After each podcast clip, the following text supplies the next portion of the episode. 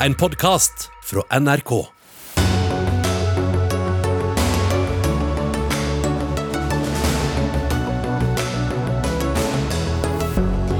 Idrettslag må stenge haller pga.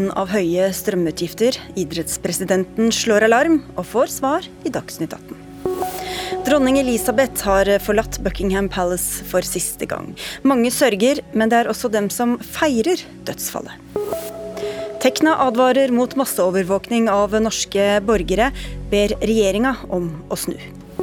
Og justisministeren burde ikke ha en egen TikTok-konto, sier Unge Venstre. Hvordan skal hun ellers kommunisere med ungdom, spør Unge Høyre. Og det gjør de her i Dagsnytt 18 på NRK1 og NRK P2. Mitt navn er Sigrid Solund. Idrettslag må stenge haller, noen må selge klubbhuset sitt for å klare de høye strømutgiftene, som kan bli enda vanskeligere å betale til vinteren. I en VG-kronikk slår du og sju berørte kretsledere full alarm, Berit Kjøll, president i NIF, altså Norges idrettsforbund. Og hvorfor er det grunn til det? Jo, det er rett og slett slik at nå er det tusenvis av idrettslag som er helt bunn fortvilte pga. den strømprisen som eksisterer, og at den støtteordningen som vi nå har, ikke er god nok. Så det er jo dramatiske konsekvenser av dette. Det er jo noen som har gått til det skritt å stenge ned haller, selge klubbhuset sitt for å finansiere driften, og ikke minst også legge på medlemskontingenten slik at den skyter i været.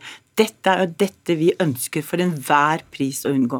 Hva slags støtteordning er det dere har, og hva er det du ser for deg at dere burde ha? Nei, Vi, eh, vi har i dag en ordning hvor vi får 80% over 70 øre kilowattime, og vi ønsker en ordning på minst 90% som da sikrer ned til 50 øre eh, per kilowattime. Og det er dette vi nå kjemper for. Og vi er, eh, vi er altså Norges største frivillige organisasjon, og det er barn og unge som nå lider fordi at de ikke får det tilbudet de elsker å holde på med, nemlig idretten sin. Så det som er viktig for oss nå, er å få et gjennomslag for å få en strømstøtteordning som faktisk sikrer at idretten kan opprettholde det aktivitetstilbudet som vi har klart nå sårbart oss gjennom pandemien, og nå er det altså strømprisen som skal slå beina unna oss. Det kan vi ikke sitte og se på. Ja, Gry Haugsbakken, du er statssekretær i Kultur- og likestillingsdepartementet. Er det aktuelt å gi mer støtte? Det er i hvert fall aktuelt, for det, det vi får tilbakemeldinger på, så er at det ene er jo størrelsen på strømstøtten, og så er den andre det at noen har utfordringer med å betale den inn. Eh, altså du må legge ut, og så får du tilbakebetalt strømstøtten.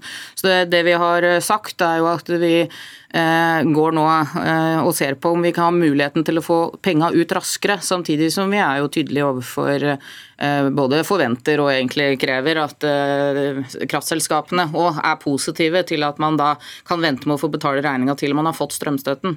Men så er det jo Vi innførte jo strømstøtteordningen for, for idrett og frivillighet med en gang.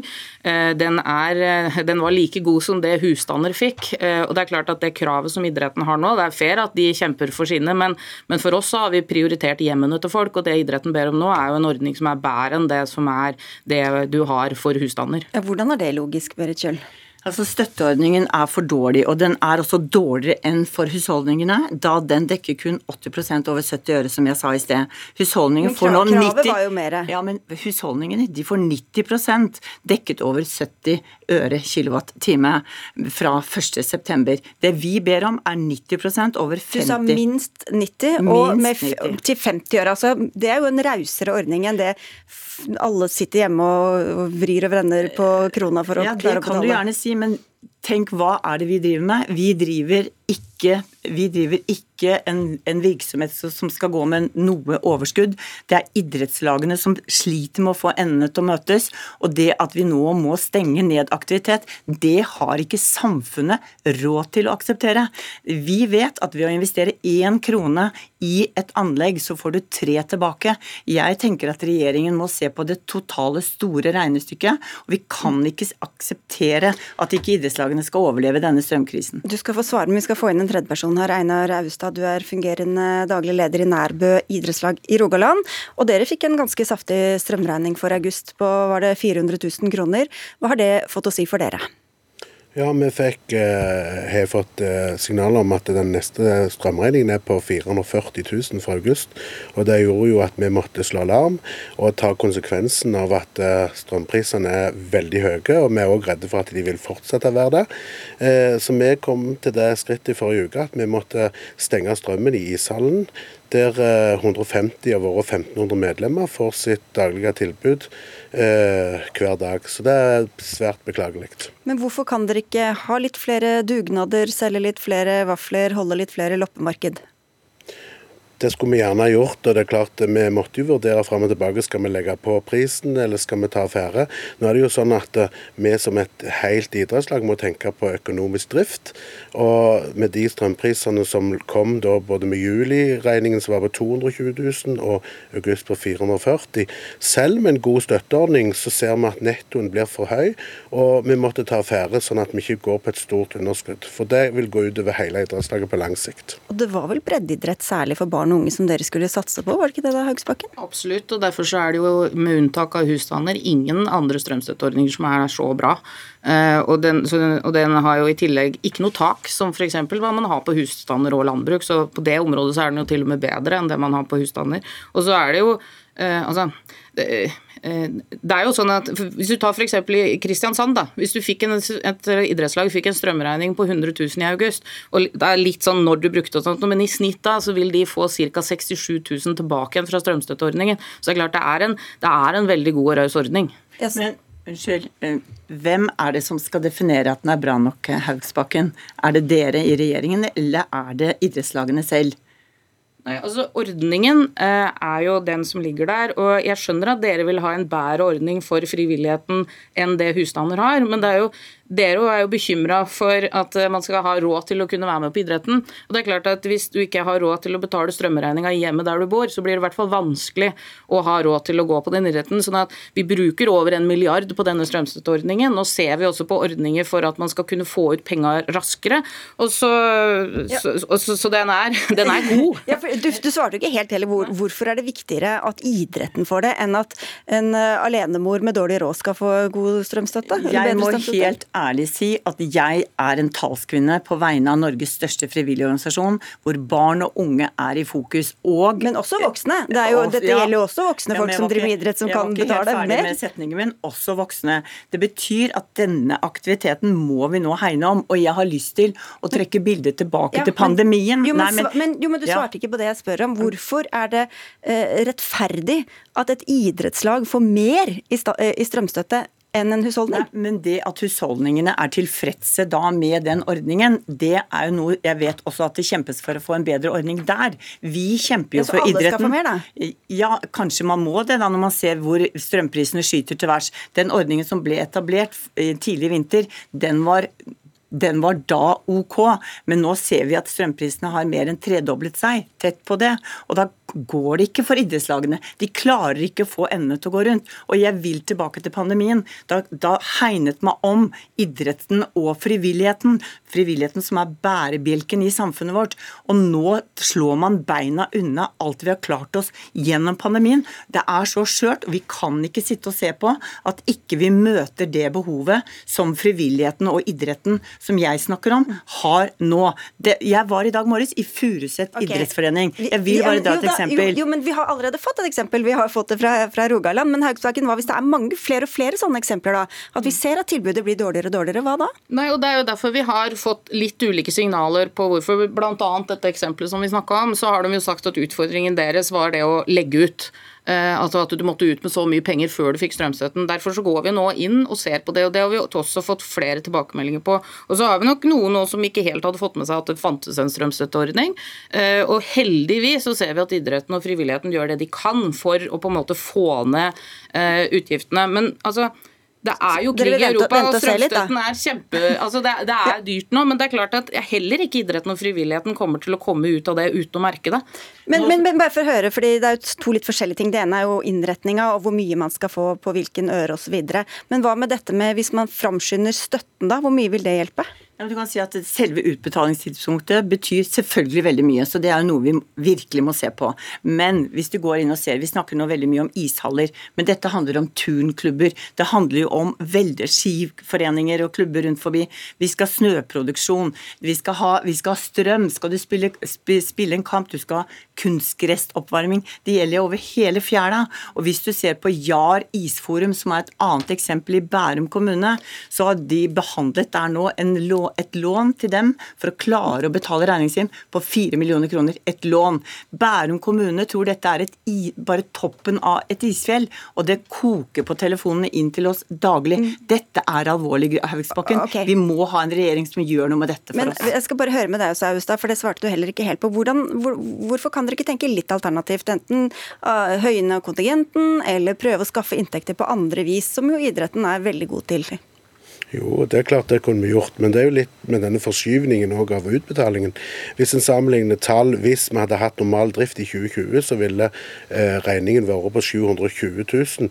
I 2021 var strømregningen på 1,2, og i år så kommer den etter strømstøtten til å ligge på over 2 millioner. Eh, men det er jo etter strømstøtten. Vi har estimert at vi kan få en strømregning på oppimot 3,5 millioner.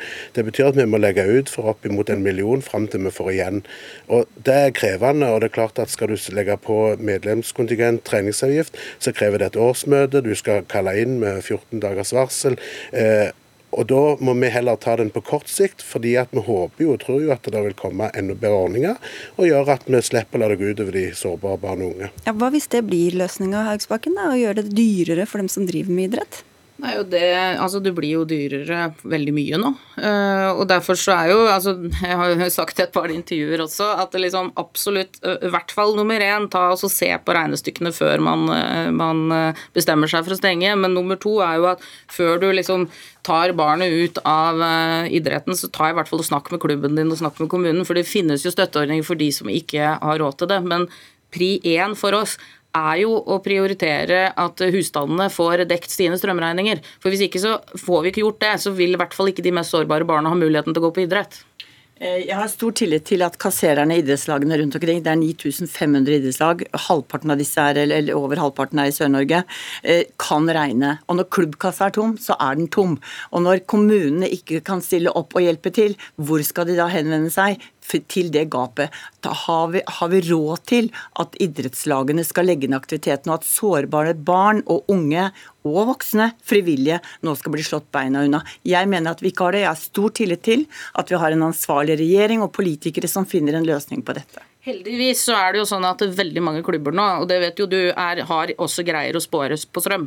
Uh, og så er det som sagt, det er ikke sånn altså Jo mer strømprisen går opp, så får, blir jo denne 80 større og større. sånn at det er, det er, liksom ikke småpenger som vi bruker av fellesskapet nettopp fordi at vi prioriterte det. Det finnes ikke tak innenfor idrett og frivillighet som det gjør på andre strømstøtter. Og det er den beste ordningen vi har, med unntak av folks hjem. Nå har jo regjeringa gjentatte ganger varsla at de kommer til å stramme inn når det budsjettet som snart kommer for neste år skal eh, legges fram. Du hadde mange eksempler her. Gjelder det å krisemaksimere mest mulig til eh, riktig tid? Nei, vet du hva. Dette handler ikke om å krisemaksimere. Vi ønsker bare å gi et reelt alvorlig bilde av en situasjon som er ekstremt alvorlig for alle våre, for idretten, og sårbar for barn og unge og voksne, og ikke minst frivilligheten, som vi nå kjemper for å få tilbake. Så dette her henger sånn, vi er inne i en ond sirkel hvis vi ikke blir møtt på dette. Men jeg kan si veldig liksom tydelig at vi jobber jo med denne strømstøtte, og det er jo stort sett ikke noe annet vi holder på med nesten om dagen. Det var litt foruroligende, egentlig. Ja, det er et par andre ting, da. Men, men, realiteten er at vi kommer ikke til å lage en bedre strømstøtteordning for idrett og frivillighet enn det vi har for husstander. Nei. Så det var klar beskjed. Ja, vi... Den beskjeden har jeg fått før, men den kan vi ikke akseptere. Vi kan ikke leve med den. Og jeg er heldigvis opptatt av, med dialog med andre okay. politikere også, som tenker annerledes. Jeg håper at vi klarer å knekke denne koden og knuse eggene og få en bedre ordning på plass. Da får vi se da om det blir bedre for husstandene først. Så følger kanskje idretten etter. Takk skal dere ha alle tre. Gry Haugsbakken, statssekretær i Kultur- og likestillingsdepartementet, Berit Kjøll, som er president i Norsk, Norges idrettsforbund, og Einar Austad, fungerende daglig leder i Nærbø idrettslag.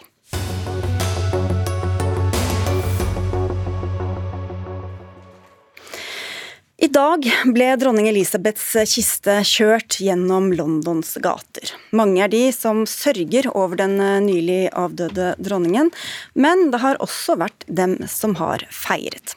Som spratt champagne eller ønsket at dronningen skulle brenne i helvete, grunnen den britiske kolonihistorien. Andre igjen reagerer på disse reaksjonene. Hva syns du om dem, Nils August Andresen? Du er både historiker og redaktør i Minerva.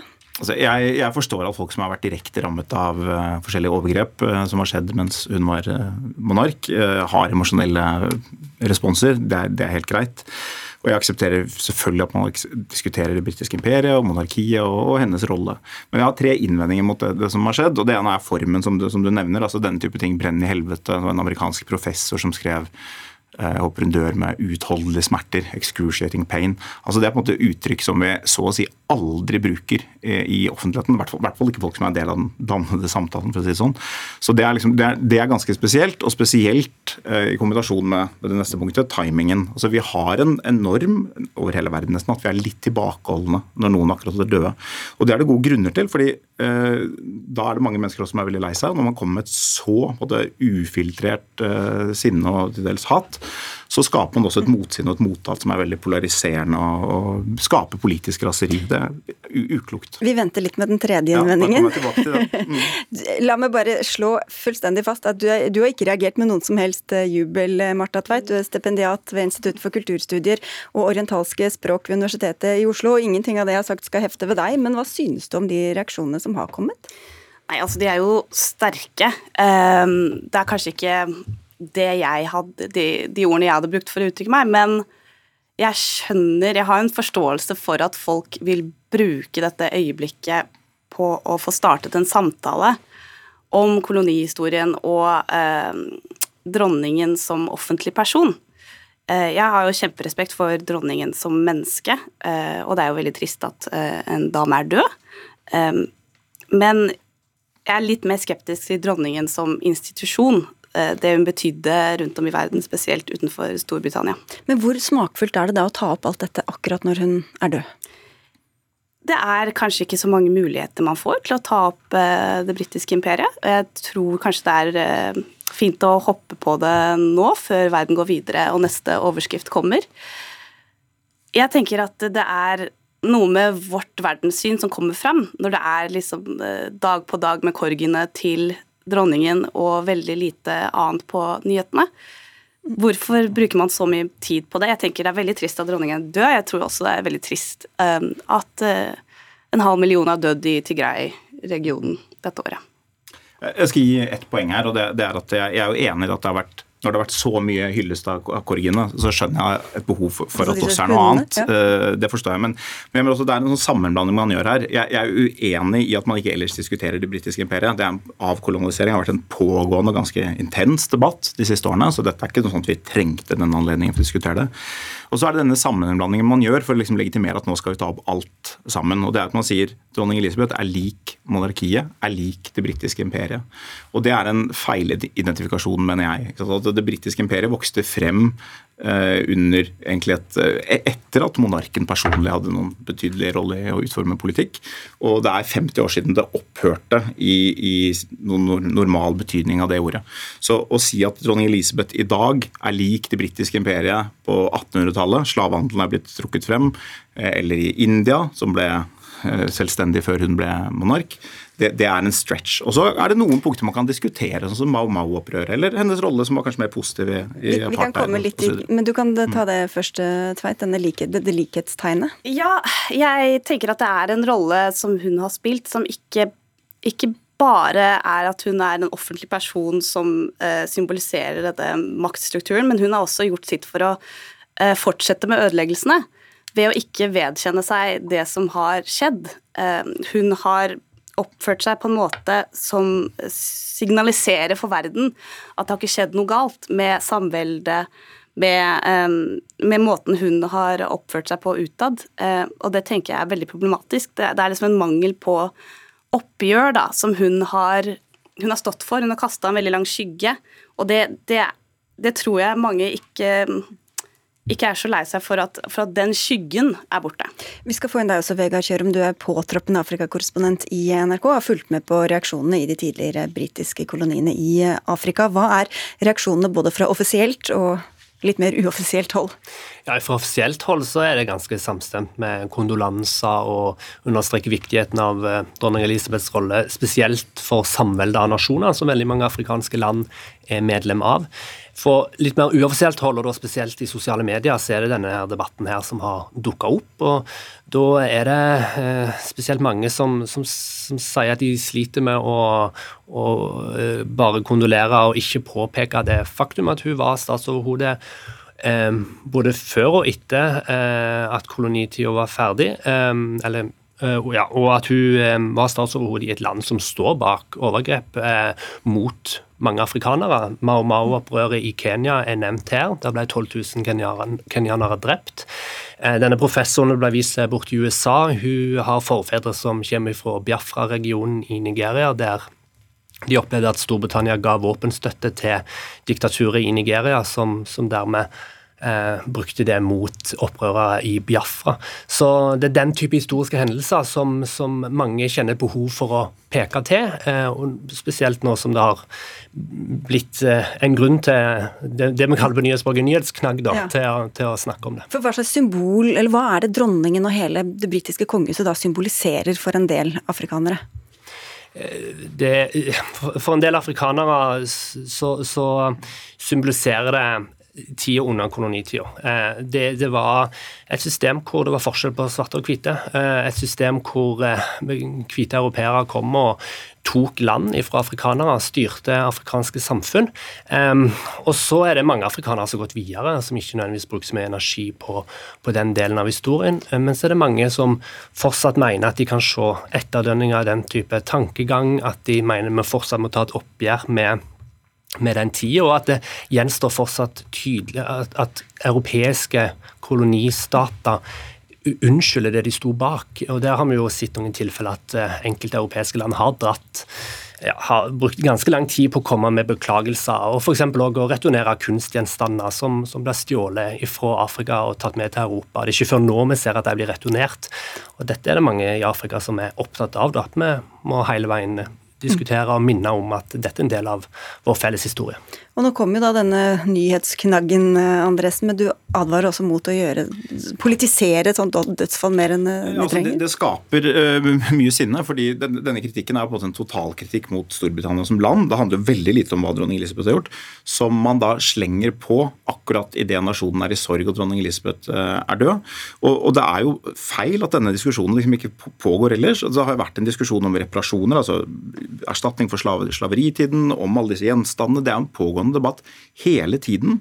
Eh, og, og så Man kan diskutere dronningens rolle i den. Burde hun gjort noe annet? Burde hun unnskyldt? Og det, det kan man sikkert si, men, men da, husk på det er litt som i Norge, at kongen i Norge står ikke fritt til å eh, unnskylde på vegne av regjeringen. Eh, dette er politiske prosesser som må både spille seg ut, og som ofte er mer nyanserte. og Det er noe med at man sentrerer det britiske imperiet og den britiske kongefamilien fortsatt. Jeg mener Det er uheldig, sånn som denne historien om Biafra. da, Det er altså en, en professor som bor i USA, som bruker dronningen, ber henne om å da ha excruciating pain, for at britene, uavhengig av dronningen, ga våpen til den nigerianske staten. Altså hvor er den nigerianske staten i dette bildet? Man sentrerer det britiske imperiet og bruker det som på utgangspunkt for alt ondt i verden. og det er, en, det er, ikke en, veldig sunn debatt. Vi skal ha en kritisk debatt om alle overgrep som er begått under det britiske imperiet, men det er ikke liksom, verdens navle i dag, 2022. Martha Tveit? Nei, jeg tenker at uh, dronningen blir jo på en måte et symbol, uh, selv om hun vi må jo skille mellom personen hun var, og det hun liksom sto for utad. Og det hun sto for utad, det vil jeg si at det kan man ikke akseptere hvis ikke man fortsetter med en tro på hvit overlegenhet. Og det er noe som eh, jeg syns er veldig vanskelig å forholde meg til når vi skal ha denne sørgestunden, som du sier, før vi begynner å snakke om sannheten om det britiske imperiet. Da. Hun var jo tross alt overhodet når eh, Mao Mao-opprøret skjedde og sånn, og det, det, det, er for meg en veldig usunn holdning, da. Ja, du sier at nå skriver vi historie også idet vi har denne debatten? Ja, vi gjør jo det. Vi, vi skriver historien om hva øh, hva det britiske øh, imperiet har vært, og hva England har vært de siste 100 årene. Og uh, det er en kamp om narrativet, tenker jeg. Det er, liksom, det er, liksom, en kamp om hva som faktisk har skjedd i verden. Og hvis man virkelig prøver, sånn som vi gjør nå, da, å tenke at alle liv er like mye verdt, og liksom ha utgangspunkt i det, så ser jo verdensbildet og verdenshistorien veldig annerledes ut. Og der er hennes rolle Det har stått i veien for at man kan ta disse debattene før. Um, både i de, de tidligere koloniene og i Storbritannia. Jeg er ikke enig i at hun har stått i veien, for jeg mener at vi har hatt disse debattene hele tiden. Så jeg er enig i at vi trenger å ha en debatt som, hvor, ikke, hvor, det er helt fint og det er nødvendig at det kommer frem andre stemmer enn det. Jeg, jeg, skjønner at folk som bor i andre deler av verden har et annet syn på dette. Men det er noe med at man, det, måten det skjer på nå, er ikke egnet til å skape en sånn samtale. Altså Den samtalen vi har nå, det er det er på en så sin sak. Men, men, de diskusjonene som er, de uttalelsene som er utgangspunktet for at vi har denne samtalen, de bidrar ikke til dette. De bidrar til å forgifte den samtalen, fordi det blir veldig vanskelig. Hvis du sier, Det er umulig å tenke på dronningen uten uten å tenke på hvitt overherredømme, vel, da er det også umulig å tenke på hele Storbritannia uten å tenke på det. Og det er en anklagelse, ja, men, men hele Storbritannia i dag alle briter. Og det er en anklage som er både for global, for altomfattende, til at den er et naturlig, godt utgangspunkt for å snakke sammen. Men kan det være at hvitt er altomfattende? Kanskje vi kan ta den debatten? Det kan hende, men det er en veldig sterk påstand som, som jeg tror vi må diskutere på det mye nøyere da, enn å slenge ut en påstand om at noen bør brenne i, helvete. Det er ikke godt utgangspunkt. Nei, nei, nei. nei, nei, nei. vi lar det slå over det fast en gang til. Helt kort til slutt, Kjørum, så er det jo også positive historier om dronningen fra også det afrikanske kontinentet? Ja, spesielt historien om eh, apartheid og kampen mot apartheid. Eh, Nelson Mandela og dronning Elisabeth eh, ble etter hvert gode venner. Hun støtta ANC og Mandela i kampen mot apartheidregimet i Sør-Afrika. Og bl.a. blanda seg litt inn i diskusjonen om, om Storbritannia skulle være med på en boikott og sanksjoner mot apartheidregimet i Sør-Afrika. Så det er, det er ett eksempel på hvordan engasjerte seg i en veldig positiv retning. da fikk vi med det også. Tusen takk skal dere ha, alle tre. Marta Tveit, stipendiat ved Institutt for kulturstudier og orientalske språk ved Universitetet i Oslo. Nils August Andresen, redaktør i Minerva, og vår egen påtroppende Afrikakorrespondent Vegard Kjørom.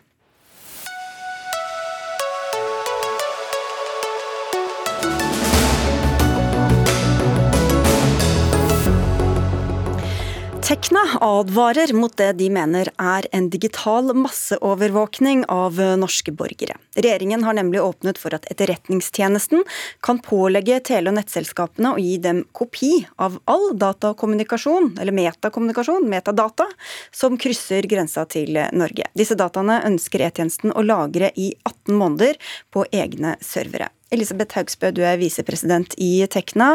Dere representerer mange av landets ingeniører, og er bekymret for hva? Mm. Ja, vi er jo veldig bekymra. Men altså, først så må jeg jo få lov til å si at, eh, at vi, vi, forstår jo at E-tjenesten har behov for effektive verktøy for å kunne gjøre sin jobb, som er å beskytte Norge som nasjon. Når det er sagt, det som vi er usikre på, er jo om den loven her faktisk vil tilrettelegge for det, eller om du vil få bare et sånt masseovervåkingssystem. Og Da har vi tre primære eh, bekymringer. Eh, og Den første er jo nettopp det der med at vi, vi er litt usikre på om, om regjeringa og politikerne har forstått omfanget. Om, om de da har greid å avgjort en god lov. Eh, og så er vi jo Kan, kan vi ikke bare be, be, ja. forklare oss da, for hva er det denne loven egentlig Hva, er, hva slags data er det som skal fanges opp? Den vil jo kunne hente inn all kommunikasjon som krysser landegrensene. Og nå er det jo sånn at All digital kommunikasjon krysser som regel landegrensene fordi vi egentlig ikke har så mange servere i Norge. Så de fleste av kommunikasjonen som du gjør på telefon, på internett, whatever, det vil gå naturlig nok over landegrensa. Ikke innholdet i kommunikasjonen, men hvem du har hatt kontakt med, og når, osv. Ja. Og hvorfor er det så farlig? Du kan jo tenke deg f.eks. du som journalist. da, eh, har eh, ei kilde som du tenker å forsvare vilt. Eh, og Den type innhenting her vil jo gjøre at de kilder òg vil bli notert som en person som du har snakka med. Mm. Og Det betyr jo i at, i at, kildevernet kommer i en uheldig posisjon. Vi skal høre flere bekymringer, men du skal få svare først, forsvarsminister Bjørn Arild Gram. Masseovervåkning, sier Tekna. Hva vil du kalle det? Det er jeg veldig uenig i. og Det er ikke bare noe regjeringa har åpna for, det er vedtatt for flere år siden av et bredt flertall i Stortinget. Vi står i en alvorlig trusselsituasjon. Eh, vi er blitt et veldig digitalt samfunn. Det er veldig mye bra med det, men det finnes også aktører som bruker det digitale rom, som ikke vil oss vel, som planlegger terror, som, eh, som, som eh, driver spionasje, sabotasje, cyberoperasjoner. Og vi er ikke godt nok rusta til å forsvare oss mot denne type trusler i dag. Derfor er det en veldig viktig sak å få på plass. Men hvor treffsikkert er det å samle inn så mye informasjon for å bruke en bitte, bitte liten del av det? Det blir samla inn mye informasjon, eh, data som krysser landegrensene. Det er korrekt. Men det er jo ikke sånn at etterretninga har fri tilgang til denne opplysningene og kan bruke det som de vil. Tvert imot, det er lagt på plass et veldig strengt rammeverk, regime for det. Det kan bare, eh, kan bare gjøre søk etter beslutning i domstolene, og i tillegg knytta et veldig sterkt kontrollregime før, under og etter denne type virksomhet. Høgsbø. Ja, og nå er det jo tingretten som skal avgjøre om du får lov til å søke effekter i de eh, dataene. Og Da kan en jo stille det spørsmålet har tingretten de rett ressursene og rett kompetanse til å avgjøre om et sånt søk faktisk er greit eller ikke? Kan de avgjøre om det søket som kanskje går på tvers av datakilder, faktisk vil verne om personene, eller om du vil oppdages mønster som kanskje du ikke burde? Ja, for der har vel både advokat, Advokatforeningen, som både organiserer dommere og advokater, nettopp uttalt at de ikke har kompetanse til å utføre denne jobben, Gram? Det som òg ligger i, i, i opplegget, er jo det at det skal oppnevnes egne advokater som skal drive nødvendig kontradiksjon og representere motforestillingene i hvert enkelt tilfelle, før domstolene gjør sine vurderinger.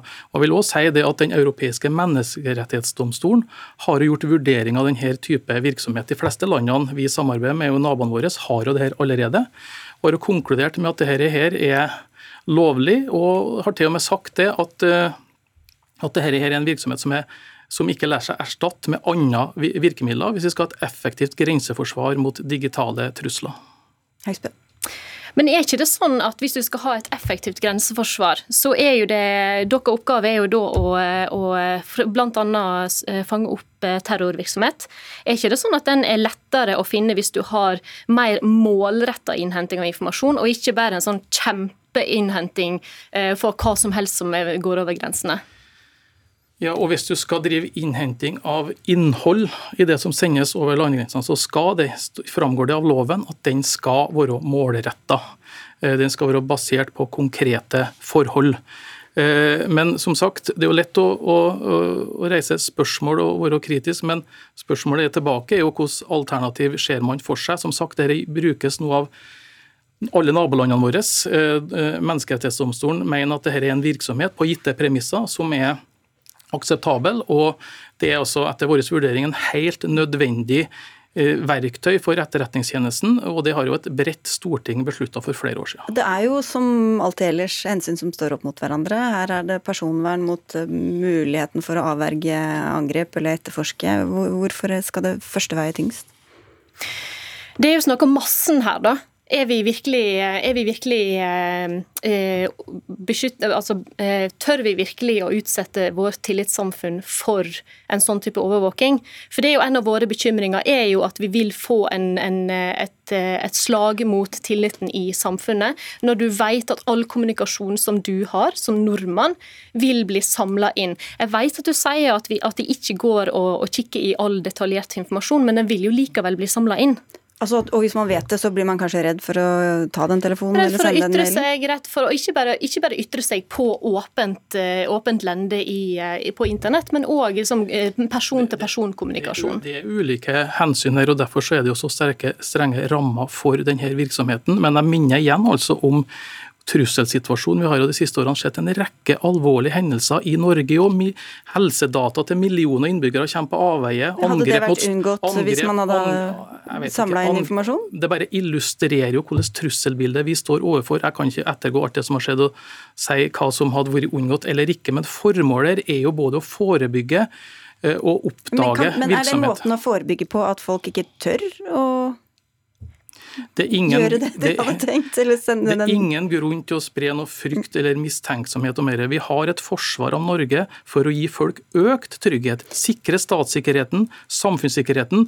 Da må vi òg forsvare oss mot nye trusler. Vi kan ikke ha et analogt forsvar i en digital verden. Men da forslaget var på høring, som du sa, så ble jo i hvert fall mesteparten av dette vedtatt for et par år siden. Da sa både Telia og Telenor at de var bekymret for retten til privatliv og vernet av korrespondanse. Og de har foreløpig ikke begynt å lagre all den denne datamengden, men det skal de nå tvinges til å gjøre mot sin vilje?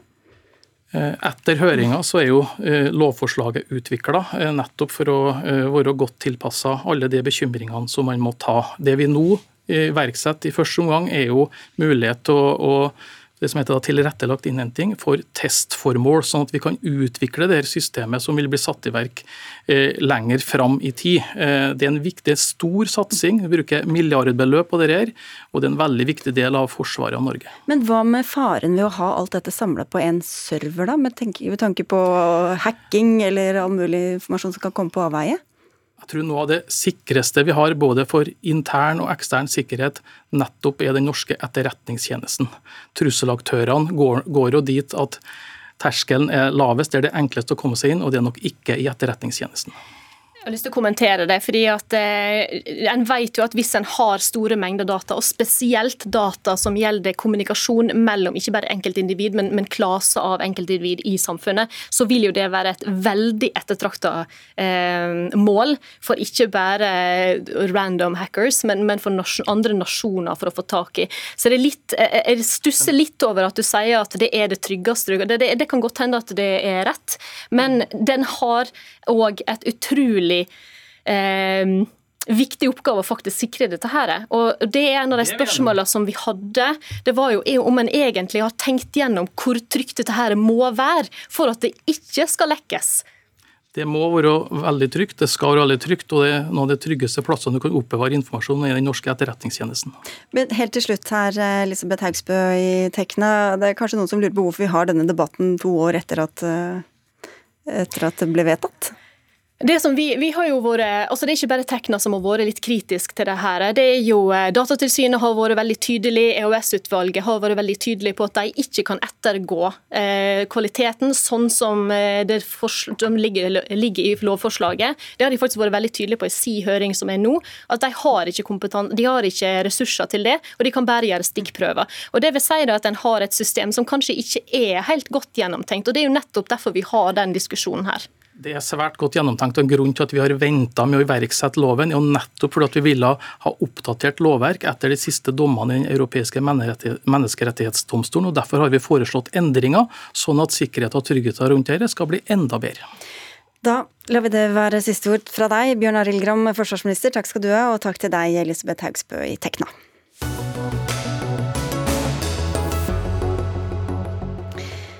Akkurat nå kalles, eh, telles de siste skal vi kalle dem onsdagsstemmene i eh, Sverige, og det er nettopp klart at den borgerlige siden har fått ett mandat til, og har nå 176 mot den eh, venstresida på 173.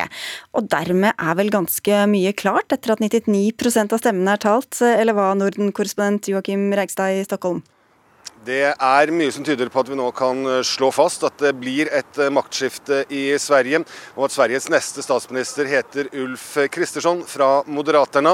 Det er noen stemmer som skal telles, men veldig mye tyder på at Magdalene Andersson må gå herifra, Sagerska huset, over den broen hvor jeg står, og inn til Riksdagen i løpet av kort tid for å levere sin avskjedssøknad, hvis dette her nå står seg, og alt tyder på det. Ja, Er det noe som kan eh, endre dette bildet nå? Nei, Når det gjelder opptellingen, er det ingenting som kan endre dette bildet. Det ser ganske klart ut nå.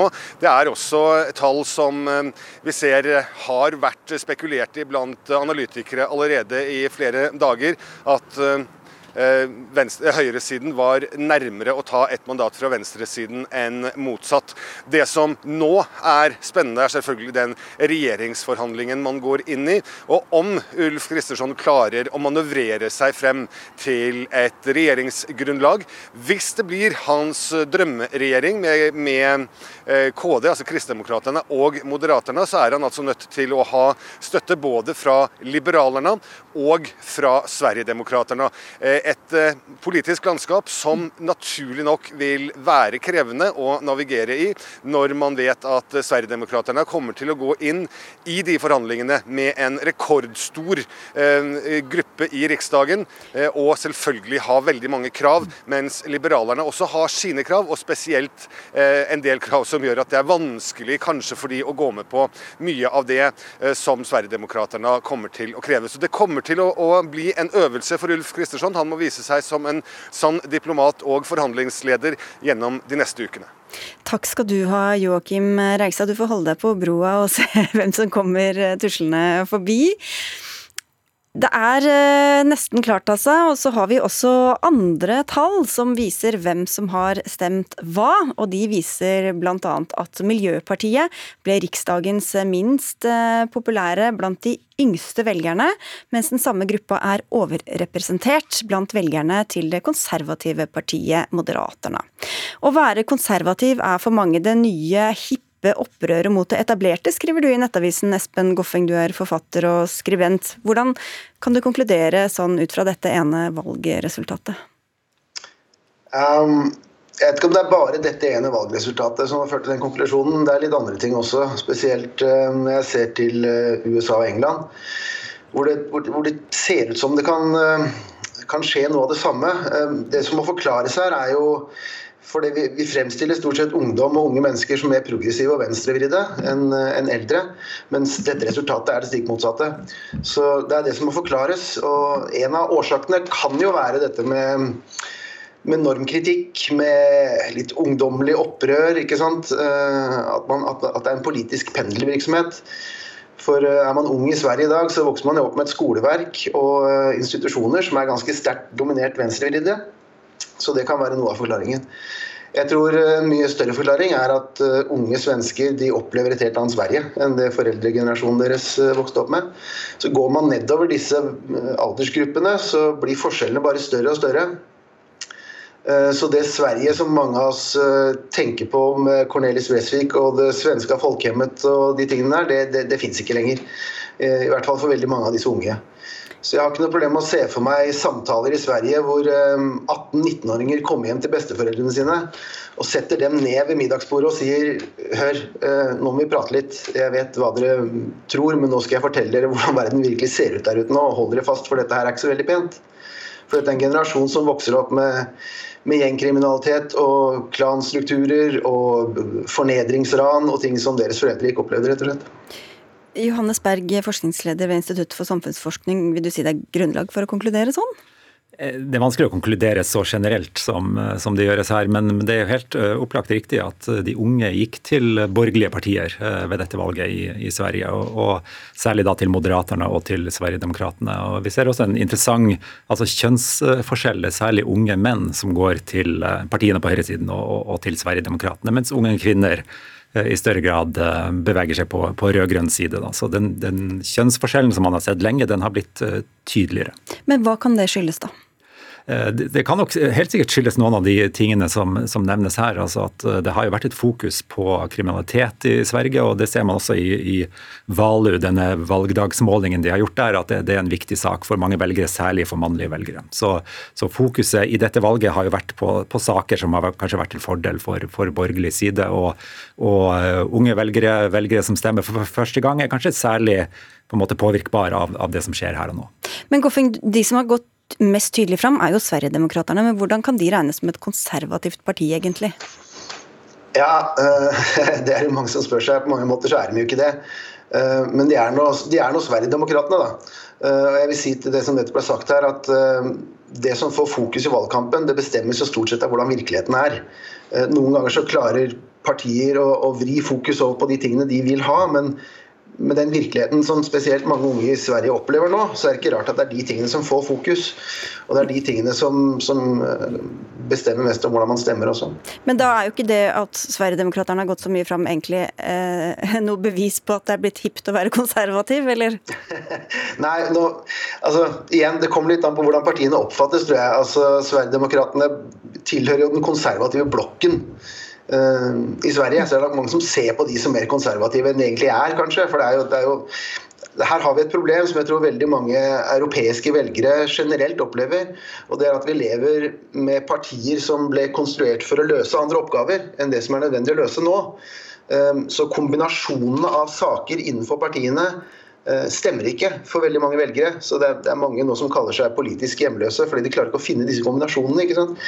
Sverigedemokraterna kan være et eksempel på sånt, for det er et nytt parti som dukker opp, som er tilpassa den tida vi lever i. på en måte. Um, så, så, man ser i flere, i flere land at uh, nye partier vokser fort, og, og det er nok antakeligvis litt av årsaken, skal jeg tro.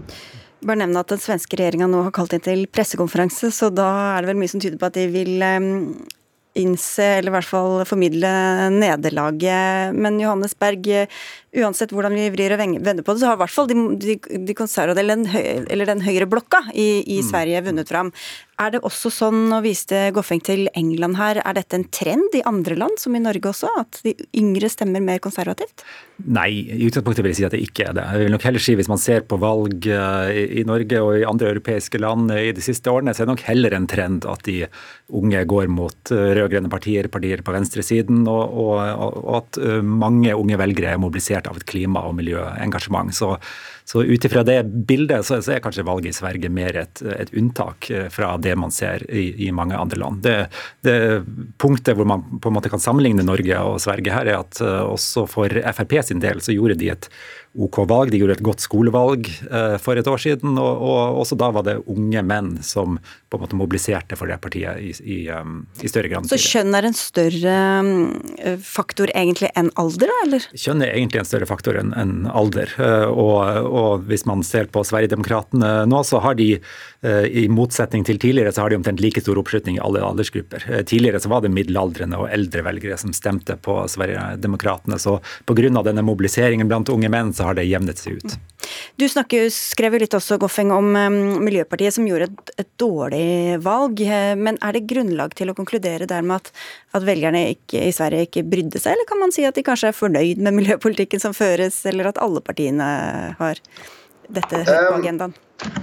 Nå er det jo sånn at det er veldig mange partier som er opptatt av miljø. Da. Så akkurat hvor mange stemmer miljø, de, de rene miljøpartiene for, det viser kanskje ikke veldig klart og tydelig hvor mye folk er opptatt av miljø. For ja, Ta her i Norge, da, f.eks. SV, eh, Arbeiderpartiet. Det er flere andre partier som er godt inne i det temaet der. Så det at man ikke stemmer Miljøpartiet, vil ikke si at man ikke bryr seg om eh, klima. Eh, men, men, det som er interessant her, er jo den opplevelsen av eh, at vi har et, et, et bilde av at unge um, er veldig veldig progressive, er veldig veldig venstrevridde, veldig veldig opptatt av miljø. Og så kommer stemmeresultatene, og de stemmer ofte ikke overens.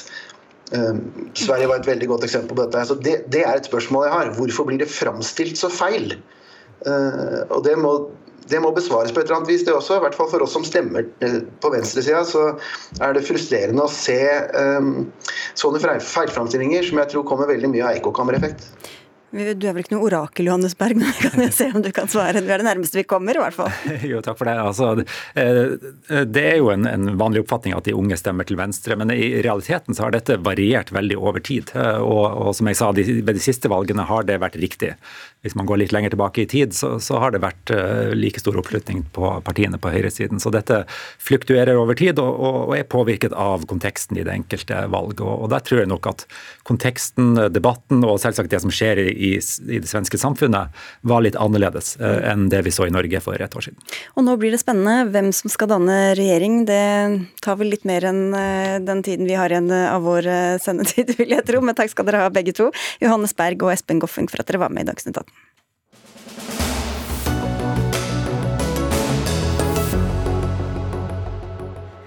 Ja, på TikTok deler folk videoer av seg selv eller andre. Det gjør også justisminister Emilie Enger Mehl, som viser fram at hun besøker Haag eller vifter med regnbueflagg på pride. Men statsråden har eh, ingenting på den kinesisk eide plattformen å gjøre, sier du Anne Breivik, du er leder av eh, Unge Venstre. Blant annet nettopp fordi det er kinesiske eiere. Hva er problemet med det? Ja, eh, jeg syns eh, rett og slett at det rimer ganske dårlig å profilere justis- og beredskapsministeren vår på en plattform der vi ikke vet nok om hvilken informasjon som samles inn om brukerne, og hvor den informasjonen går til. Hva er det som er så spesielt problematisk eh, med akkurat at kinesere eier TikTok? Eh, nå er jo TikTok eid av kinesiske ByteDance, og pga. etterretningsloven i Kina så er det slik at kinesiske myndigheter de kan kreve tilgang til persondata overfor kinesiske selskaper. Dette har TikTok flere ganger gått ut og benektet at de gjør, men samtidig så har vi ikke nok informasjon om hvorvidt de reelt har tilgang til persondataen. Eh, og så mener jeg nok altså, Så er jo dette med innsamling av informasjon om forbrukere Det er både et TikTok-problem, det er også et generelt problem med sosiale medier. Og dette har vokst seg stort nettopp fordi man ikke har satt ned bremsene tidlig nok. Jeg synes nok at Justis- og beredskapsdepartementet heller kunne eh, prioritert f.eks. å føre tilsyn over algoritmer eh, og regulere dette bedre før de lager seg en ny sosial sosiale mediekonto. Det er vel nok av. Vi har selvfølgelig invitert Emil Engemil Hun ønsket ikke å delta i Dagsnytt 18, men du er jo her, Håkon Snortheim. Farer til hennes forsvar. Vet ikke helt, du er nestleder i Unge Høyre. Skivebom kaller du dette fra Unge Venstre? Ja, jeg, jeg, gjør egentlig det. Og, og jeg, er måte, jeg, er litt delt i spørsmålet om justisministerens tilstedeværelse på TikTok. Altså, rent personlig så syns jeg jo kanskje at de videoene hun legger ut er, er, er, litt kleine. Eh, jeg sitter ikke på TikTok for å se justisministeren som influenser og dele hvilke middager hun spiser med hvem. Men rent politisk så har jeg veldig stor forståelse for at politikerne ønsker å være på de arenaene hvor folk oppholder seg. Og TikTok er en av de raskest voksende sosiale mediene vi har i dette landet. Og så uh, har jeg veldig stor stor forståelse for. Og man skal også være eh, Man skal ha en sunn skepsis i møte med, med persondata, hvor politikerne oppholder seg. Det gjelder alle plattformer, uavhengig av hvilken det enn måtte være. Men å dytte det geopolitiske bildet inn i det syns jeg kanskje er litt merkelig. Akkurat som at Guri Melby er ikke på Facebook for å vedlikeholde Norges gode vennskap med USA, eller hjelpe de med masseovervåkning, som de også har blitt tatt på gjennom, gjennom, Facebook og andre sosiale medier tidligere. Så sånn, eh, Det handler ikke nødvendigvis om hvem som er skurken, men altså, skepsisen skal være til stede. og Den håper jeg også at eh, Justisdepartementet har utvist når de har tillatt ministeren å være på TikTok. Er det så forskjell om venstrelederen er på Facebook? Facebook eller om justisministeren er på TikTok? For all del så er ikke Google eller Facebook feilfrie plattformer, de heller. Tvert imot, de bedriver også overvåkningsbasert reklame overfor forbrukere. Og jeg har også stor forståelse for at man velger å bruke TikTok. Dette er noe vi har diskutert mange ganger i min organisasjon. Vi vet at det er en viktig plattform for vår målgruppe. Det er altså svært treffsikre algoritmer som bidrar til at man kan få en stor spredning ved innholdet. Samtidig så synes jeg også at politikere, når de velger å, særlig når man er justis- og beredskapsminister i Norge og har et ansvar for å ivareta personvernet til norske innbyggere, burde stille seg selv det spørsmålet bidrar jeg til legitimering av denne plattformen ved å delta på den, ved å dele innhold der? Jeg mm. mener svaret er ja. Du, du skal få svare også snart, men vi skal bare få inn deg også, Bente Kalsnes. Du er førsteamanuensis ved Institutt for kommunikasjon ved Høgskolen Kristiania. Hva er egentlig forskjellen på Metas plattformer som Facebook og Instagram og TikTok? Ja, hvis vi kan begynne med likhetene. Altså, mm. alle samler inn brukerdata. Og brukerdataene er på en måte valutaen deres. Eh, det er gratis, liksom gratis tjeneste, og så betaler vi med våre persondata. Hvis noe er gratis, så er det du som er produktet. Ja. eh, og det blir da brukt for å kunne tilby eh, annonser som er tilpassa. Og eh, på det som er litt av forskjellen, er at vi kanskje vet enda mindre om hva det er som skjer i ByteDance, ByteDance som eier TikTok. Eh, det har vært mange diskusjoner eh, nå opp gjennom åra hvordan bruker Facebook, eh, Google, Twitter bruker dataene. Hva gjør de med dem? hvordan utformer algoritmene rundt det her. Og Når det gjelder TikTok og Biten, så vet vi enda mindre. Samtidig som at det i flere år har vært diskusjoner hvor stor påvirkning har kinesiske myndigheter. Um, og det har kommet en del uh, gravejournalistikk rundt det, som tyder på at uh, kinesiske myndigheter har tilgang, og at uh, folk som sitter i den kinesiske delen av selskapet har tilgang til dataene, selv om en sier at de skal være isolert, f.eks. I, USA. Så, så TikTok har vært omstridt og har vært forbudt i flere land, bl.a. i India og Pakistan. Og senest i 2020 så gikk Erna Solberg Solberg av, bl.a. pga. datasikkerhet. Ja, altså ikke av som, som Nei, unnskyld. Av plattforma. Ja. ja, da, da, vurderte hun det annerledes enn deg, da? Ja, og, og det syns jeg er interessant. Og, og, vi kan jo, Jeg tør i hvert fall ikke å legge til grunn noe annet enn at Justisdepartementet har gått god for at Emilie Enger Mehl kan være på, på den plattformen. Og øh, Hvis du ser på videoene hun legger ut, så ser det også egentlig ut til at de unge liker det veldig godt. At de får innblikk i en statsråds hverdag på en måte, og på en plattform som man kanskje ikke hadde nådd ut til innbyggerne på en annen måte ellers. Men for all del, vi skal være kritiske i måten vi, vi bruker dette på. Vi husker Cambridge Analytica-skandalen i 2018 hvor 50 millioner Facebook-brukere fikk sin eh, persondata eh, solgt. Eh, og Man har brexit-avstemningen og valget i USA i 2016, hvor man også har pratet om påvirkning gjennom, gjennom algoritmer og sosiale medier. Men det viktige er også, og vi skal være glad for at vi har EU og de datatilsynene vi har rundt omkring i Europa, som sørger for at de skal regulere dette godt. Jeg mener også at de skal være på vakt fremover, men jeg mener også at det skal være greit at en norsk minister skal få lov til å være på plattformen. Du er vel der sjøl, Anne Brevik? Jeg kan bekrefte at jeg har en TikTok-konto, eh, at jeg har appen på mobilen min. Men så synes jeg jo dette er et mer strukturelt problem enn et privat problem. Mye av problemet med sosiale medier er jo nettopp at man som forbruker gjerne føler på at det er uunnværlig, at man må være til stede der, at man dermed må gi avkall på mye persondata, informasjon om seg selv. Kanskje man ikke får tilstrekkelig nok informasjon om hva slags data man gir fra seg, eller hvem som får tilgang til den, slik det nettopp er med TikTok. Og når man velger å dele f.eks.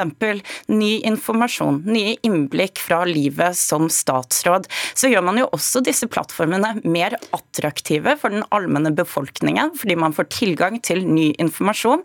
Og dette bidrar nettopp til å forsterke denne uunnværligheten som sosiale medier har. Hvor mange av oss aner egentlig hva vi legger igjen av spor, tror du, Bente Kalsnes?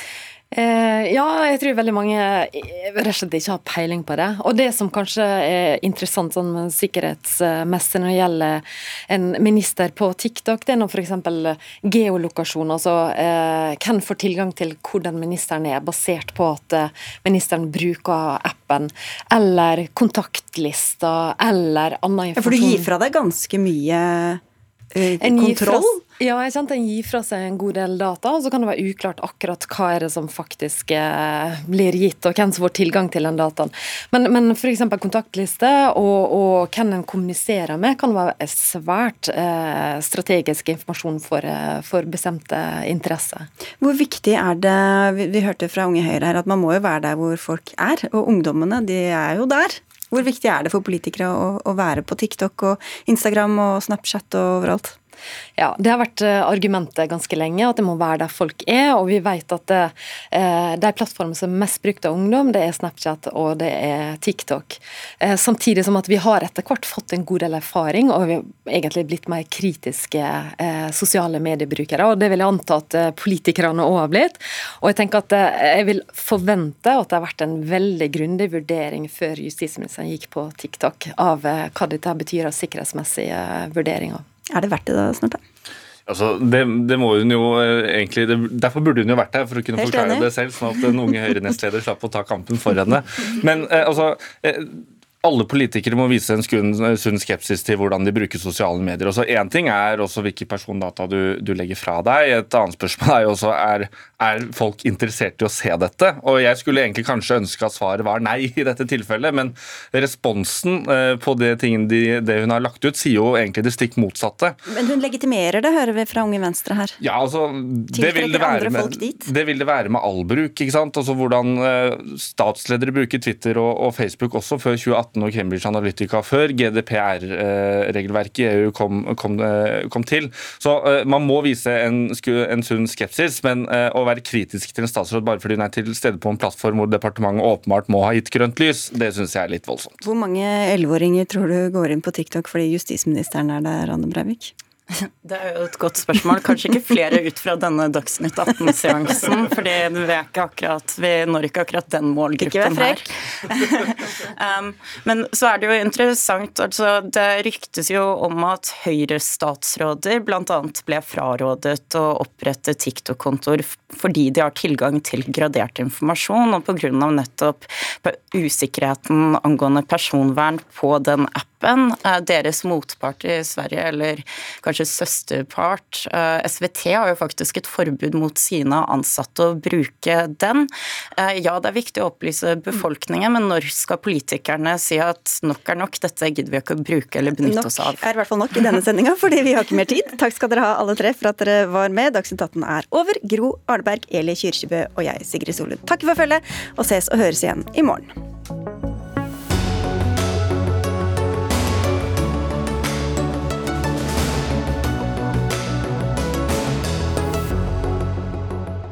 Du har hørt en podkast fra NRK.